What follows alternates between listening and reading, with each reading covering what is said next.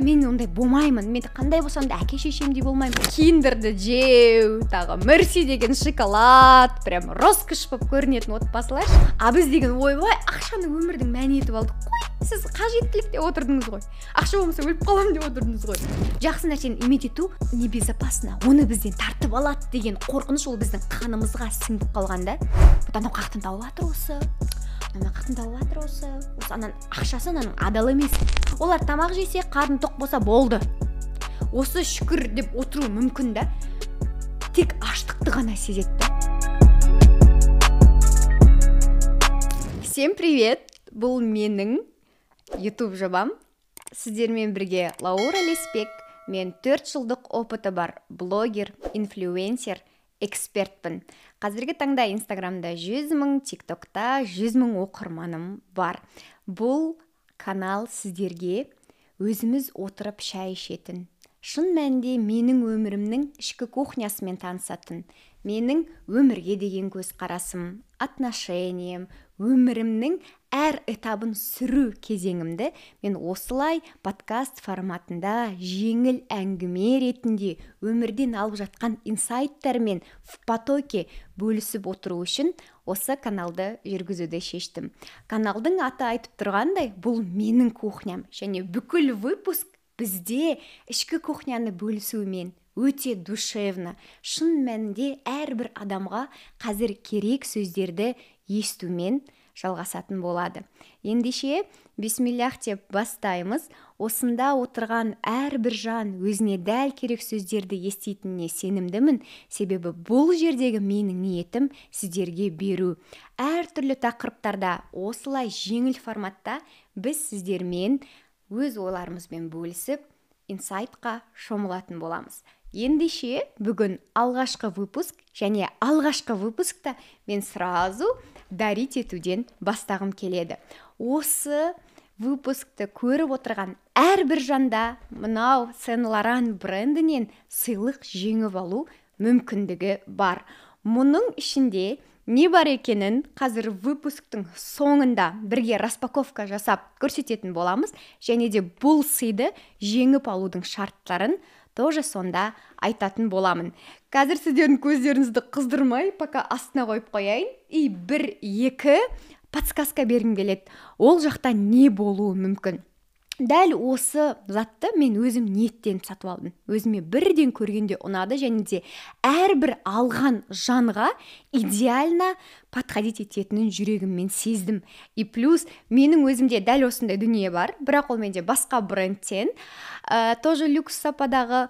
Но самый главный момент мен ниеттеніп сол кезде алған осы бір брендовый затым менің оборотымды 10-11 миллион теңгеден 100 миллионға өсірді. Иә мен сол кезде 10-11 миллион теңгеге запуск жасайтынмын ал соңғы запускымды 100 миллион теңгемен қорытындылап отырмын. Бұл өзгеріс жарты жыл білмеймін 6-8 айдың арасында болды. Ендеше мен қазір сіздерге бүгінгі алғашқы выпусктың тақырыбын бөліскім келеді. Бүгін мен сіздерге бір әрқайсымыздың ішімізде уайымдататын шын мәнінде өміріміздің бір жарты бөлшегі болып кеткен олсыз өз өмірімізді елестете алмайтындай ақша тақырыбын таңдадым. Иә бұл выпускта менің ақшаға деген көзқарасым. Ақшаны қалай жеңіл табамын қалай өзіме мына кереметтерді позволить ете бастадым. Ақшаға байланысты блоктарымды убеждениелерімді қалай жойдым және де үлкен ақшаға өзімді қалай іштей дайындағаным жайлы айтып беретін боламын. Бұл менің жинаған опытым. Себебі мен де сіздер секілді қарапайым отбасыданмын. Кішкентай ленгер деген қаланың тумасымын. Үлкен ақша ол біз үшін кішкентай кезден үлкен роскошь болатын анау болады ғой. Киндерді жеу тағы мерси деген шоколад прям роскошь болып көрінетін отбасылар ше. Вот сондай отбасыда дүниеге келген қызбын. Ендеше көп созбай бүгінгі алғашқы выпускты бастайық. Менің ниетім сіздерге беру шынайы бөлісу. Ең бірінші менің ақшаға деген көзқарасым толықтай маған мына сұрақ қойылған кезде өзгертілді. Қазір мен сіздерге соны қоямын әркім ішінен жауап берсін. Артық ойымызды санамызды ештеңені қоспаймыз. Бірінші мына жақтан қандай жауап шығады соны айтамыз. Ақша сіз үшін қажеттілік пе әлде қалау ма? Шештіңіз бе? Ақша сіз үшін қажеттілік пе әлде қалау ма? Менің ішімнен осы сұрақты естіген кезде бірден ақша ол қажеттілік деген жауап шықты. Ал жауапты естіген кезде менің әлемім екіге бөлінді. До и после. Ақша қажеттілік болуы мүмкін емес дейді. Неге? Себебі представьте ситуацию. Сіз необитаемый островқа түсіп қалдыңыз дейді да. И необитаемый островта сізді құтқаратын бір миллион доллар ма әлде бір вагон тамақ па? Ответ очевиден. Бізге ол жақта миллион доллар біз миллиардер болсақ та бізді құтқара алмайды да. Бізді ол жақта құтқаратын тек тамақ. Первая потребность это еда. Ал ақша ол ешқашан қажеттілік бола алмайды. Ақша қалау дейді. Әрбір қалаған адам ақшаны таба алады.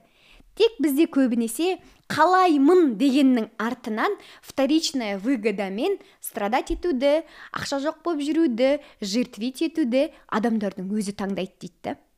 Ал егер сен искренне қаласаң дейді сенің алдыңда ештеңе де төтеп бола алмайды дейді да. Жаратушы да қалаған пендеме беремін дейді ғой. Мысалға бұл тағы да ақшаның қажеттілік бола алмайтынын утверждать ететін менде мынандай бір өмірлік түсінік бар. Менің өзім қарапайым отбасыда дүниеге келгеннен кейін сол бір айлыққа қараған кейде жұмыс бар кейде жұмыс жоқ әкем вахтада жұмыс жасаған иә. Осындай қарапайым отбасыларда дейді да когда еще ата анасы плюс егер ішкілікке сондайға құмар болса дейді да балдар трудоголик болып өседі дейді да. Себебі ішкілікке құмар адамдар сол ішкілікпен олар өмірдің жаңағыдай қиындықтарын ұмытады жұмыстағы жыны шығып жүрген моменттерді коллегалармен ұрысып қалған моменттерді они сөйтіп запивать етеді ғой былай айтқанда ішімдікпен ше и соны көріп өскен бала дейді да внутренний жеркенішпен өседі да. Мен енді ондай болмаймын екіге бөлінеді ғой. Либо біреу тура соны қайталайды ата анасының артынан либо біреу мен ондай болмаймын мен қандай болсам да әке шешемдей болмаймын олардың жолын қайталамаймын дейді да. Но бірақ мы неосознанно біз ішкілікпен қайталамасақ та біз тоже солай өзімізді жеумен өзімізді жақсыға лайық көрмеумен біз андай трудоголизммен өзімізді өлтіреміз да. Егер біздің әкеміз ішіп әлемдегі бүкіл жамандықты ұмытса біз ойбай мен жұмыс жасаймын деп жұмыспен бүкіл әлемді ұмытамыз өзімізді ұмытамыз өзіміздің теломызды ұмытамыз да. Ал өзін өзінің телосын өзін адам ретінде жақсы көрмейтін адам да ол бай бола алмайды оған ақша келе алмайды ол шын ақшаны қалай алмайды. Ол жұмысты ақшаны көп табу үшін емес ол жұмысты ата анасы секілді болып кетпес үшін ата анасы секілді проблемалардан қашу үшін жасайды да. Понимаете? Точно так же ақшаға байланысты екінші маңызды момент көп жұмыс жасасаң көп ақша табасың дегеннің де миф екенін бізге қазір уже дәлелдеді да бүкіл инфобизнесмендер запускпен айналысатындар неге себебі ата аналарымыз таңнан кешке дейін заводта жұмыс жасап таңнан кешке дейін адал еңбектеніп тапқандары сол 30-40 мың елу мың сексен мың еді да. Еле еле концы с концами сводили. Ал енді өздеріңіз қараңыздаршы егер біз сол жолды қайталайтын болсақ біз баюымыз мүмкін ба? Ол вроде бы адал еңбек қой. Қазір ойлайды да көбінесе. Неге адамдардың бәрі блогер болып кетті бәрі әйтеуір бірдеңе үйреткіш бәрі запуск жасайды бәрі инфобизнесмен болып кеткен дейді да. А бірақ на самом деле былай шынында қарайтын болсақ сен қаншалықты көп жұмыс жасағаның маңызды емес.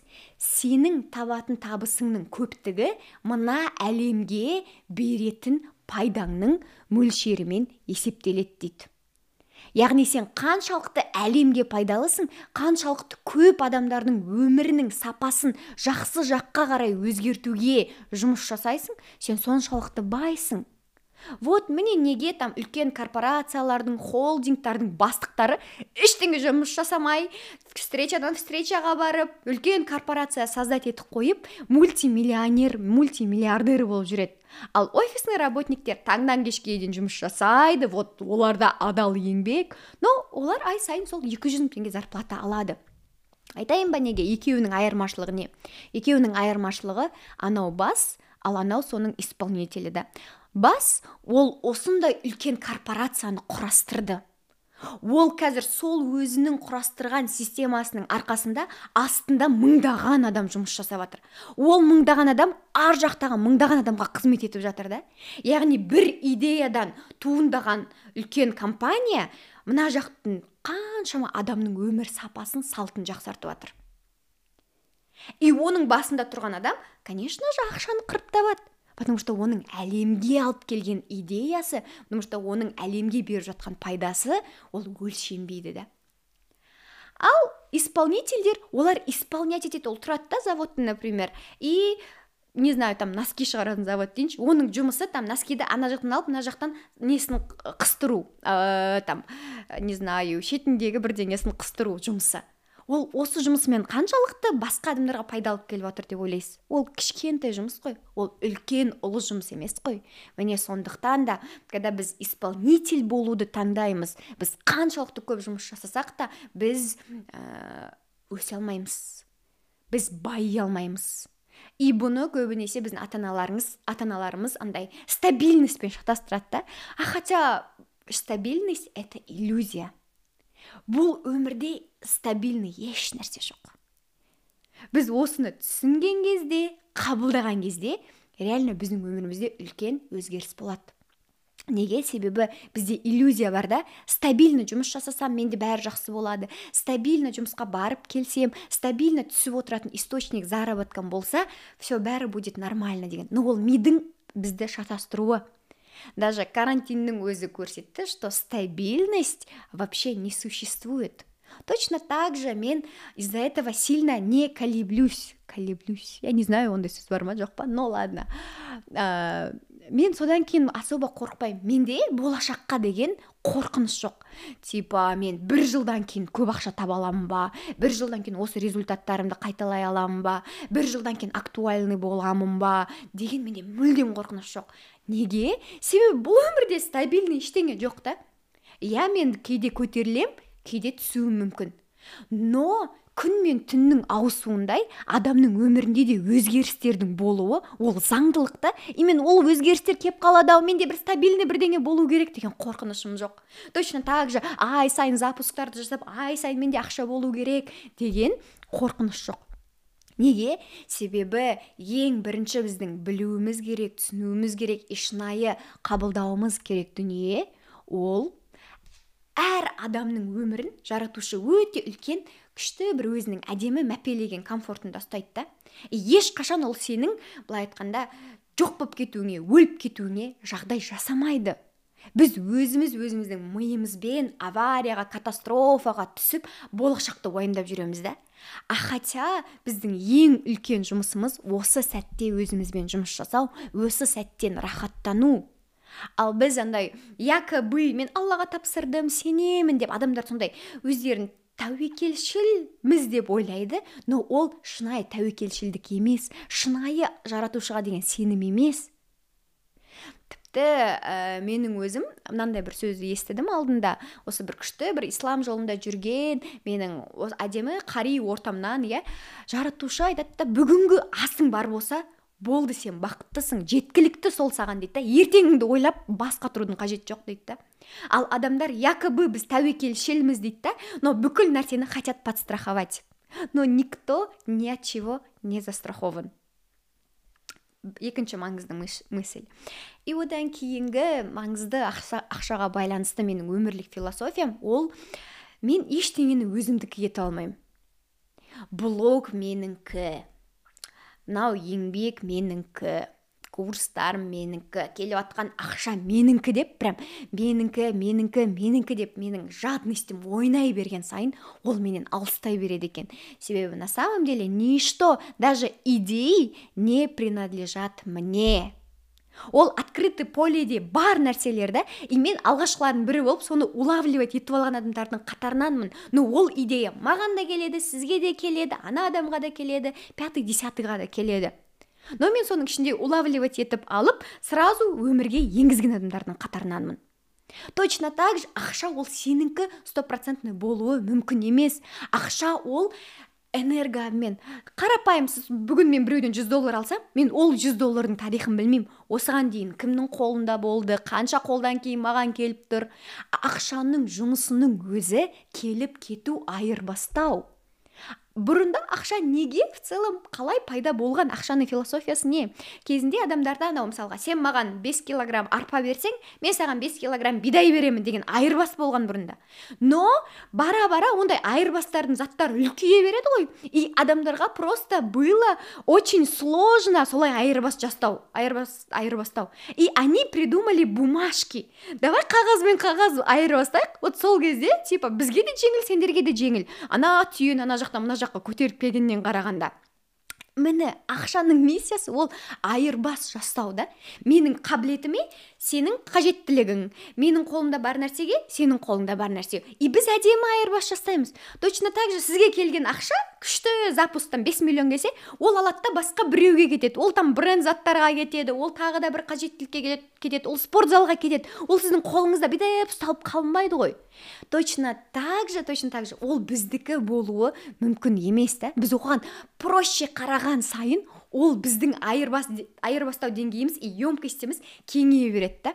А біз деген ойбай ақшаны өмірдің мәні етіп алдық. Қой сіз қажеттілік деп отырдыңыз ғой. Ақша болмаса өліп қаламын деп отырдыңыз ғой. Қай кезде біз ақшаны сондай тіпті адамнан да құнды дүние етіп істеп алдық? Осындай сұрақ. Бізде бізде айнала айна мен және мына әлемде жаратушы ғана бар. Екеуміздің отношениямізден бүкіл нәрсе құралады деген заңдылық бар да. Мен тоже осы заңдылықпен өмір сүремін егер менде ақша болса не болмаса ол менің жаратушымен байланысымды ғана көрсетеді. Яғни жаратушы қазір маған пендесіне мен қалаған сумма менде болмаса оны қазір беруді жөн санамады. Бірақ жаратушы бізге ақшаны бізді жек көргеннен біз оның сүйікті құлы болмағаннан бермейді емес. Жай ғана біз ол ақшаға дайын еместігімізден бермейді. Және де мына нәрсені қазір мен сіздерге былай дәлелдеп көрсетейін. Сіздің өзіңіздің балаңыз бар деп елестетіңізші. Балаңыздың жасы онда сіз он жасар балаға смело үш мың теңгені бересіз ол үш мың теңгеге барып қалаған затын сатып ала алады таңдау жасай алады и сдачасы қалса алып келе алады да. Но сіз он жасар балаға бір айға сіз қолына үш жүз мың теңгені ұстатып қоймайсыз ғой.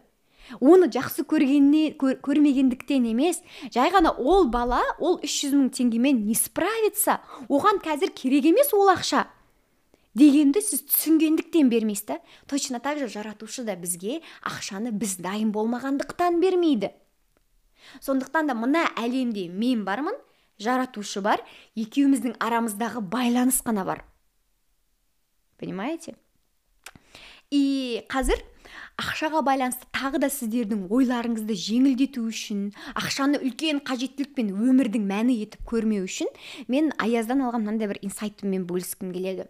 Ол айтады да ақша ауа секілді дейді да.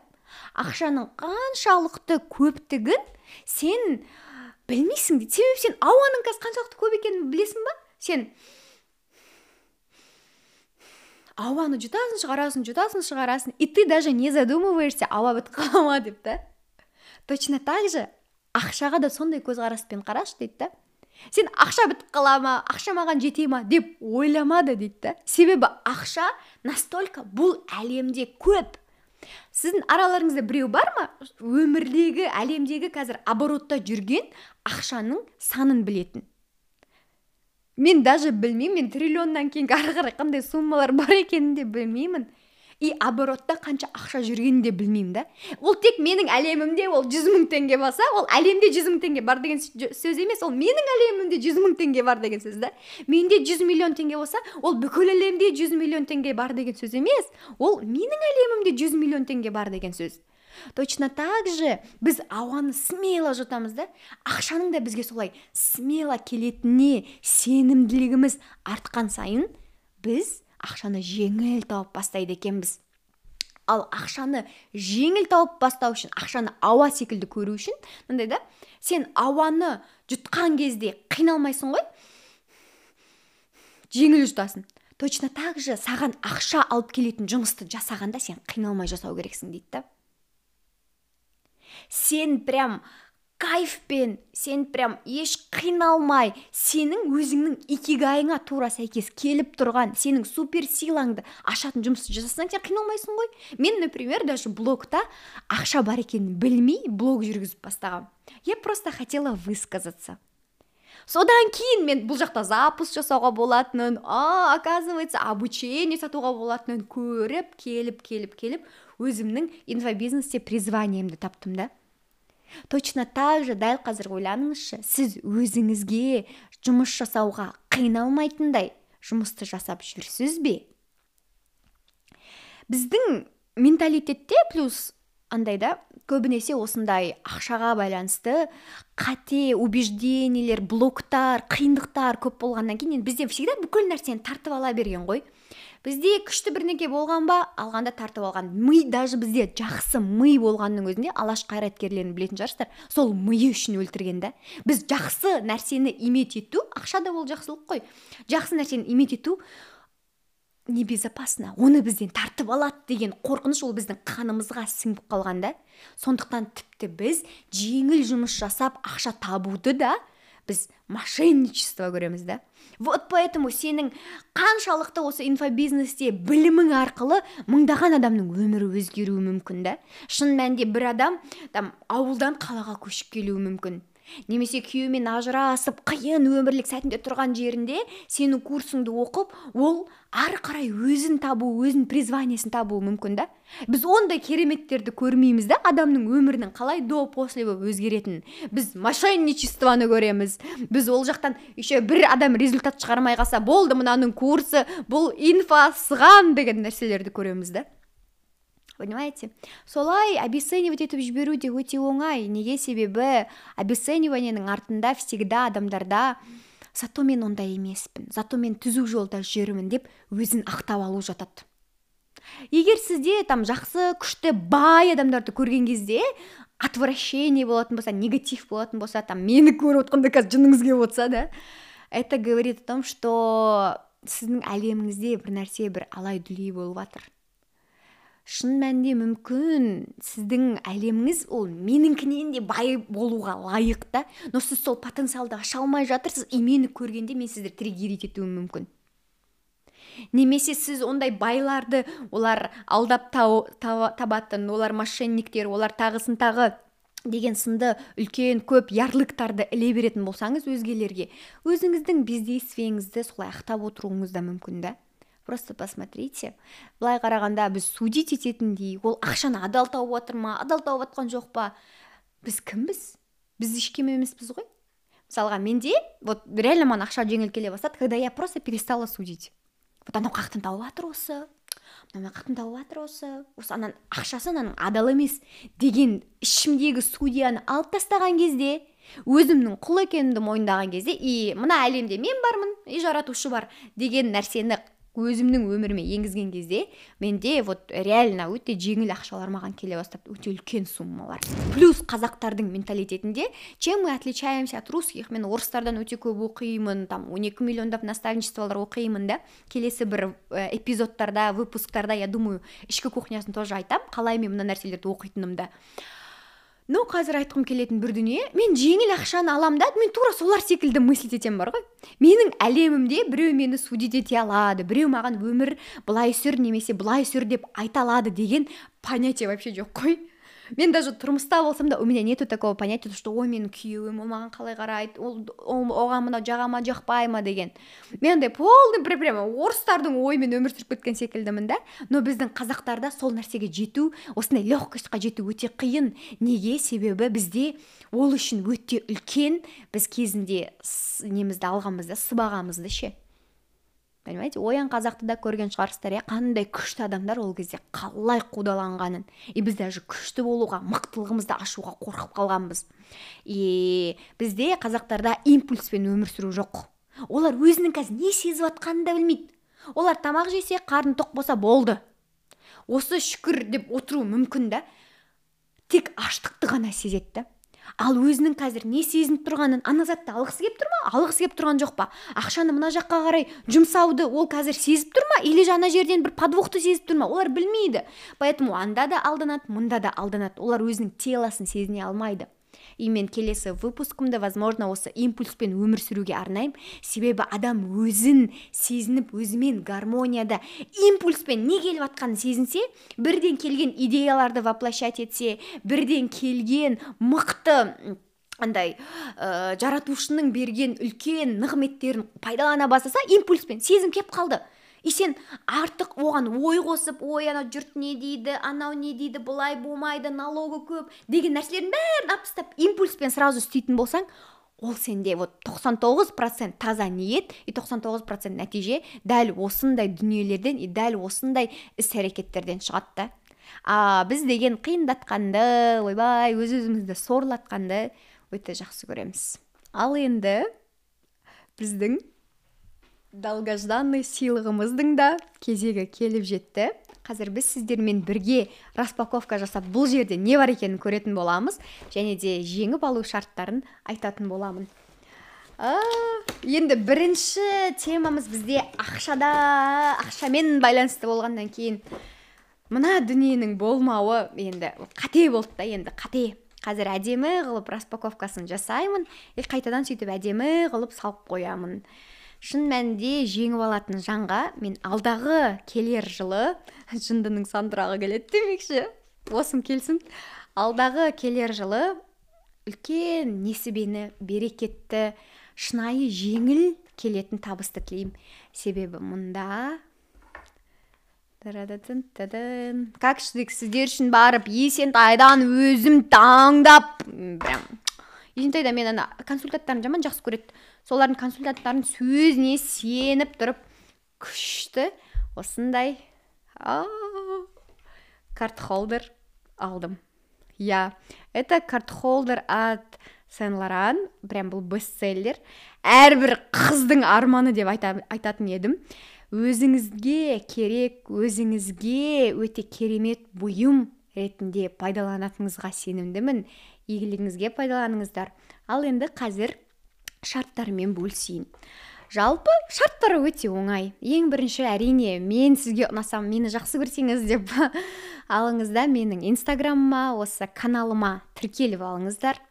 Осы ә, комментарийге осы выпусктың комментарийіне өзіңіздің ойыңызды ішкі сезімдеріңізді бөлісе кетіңіздер.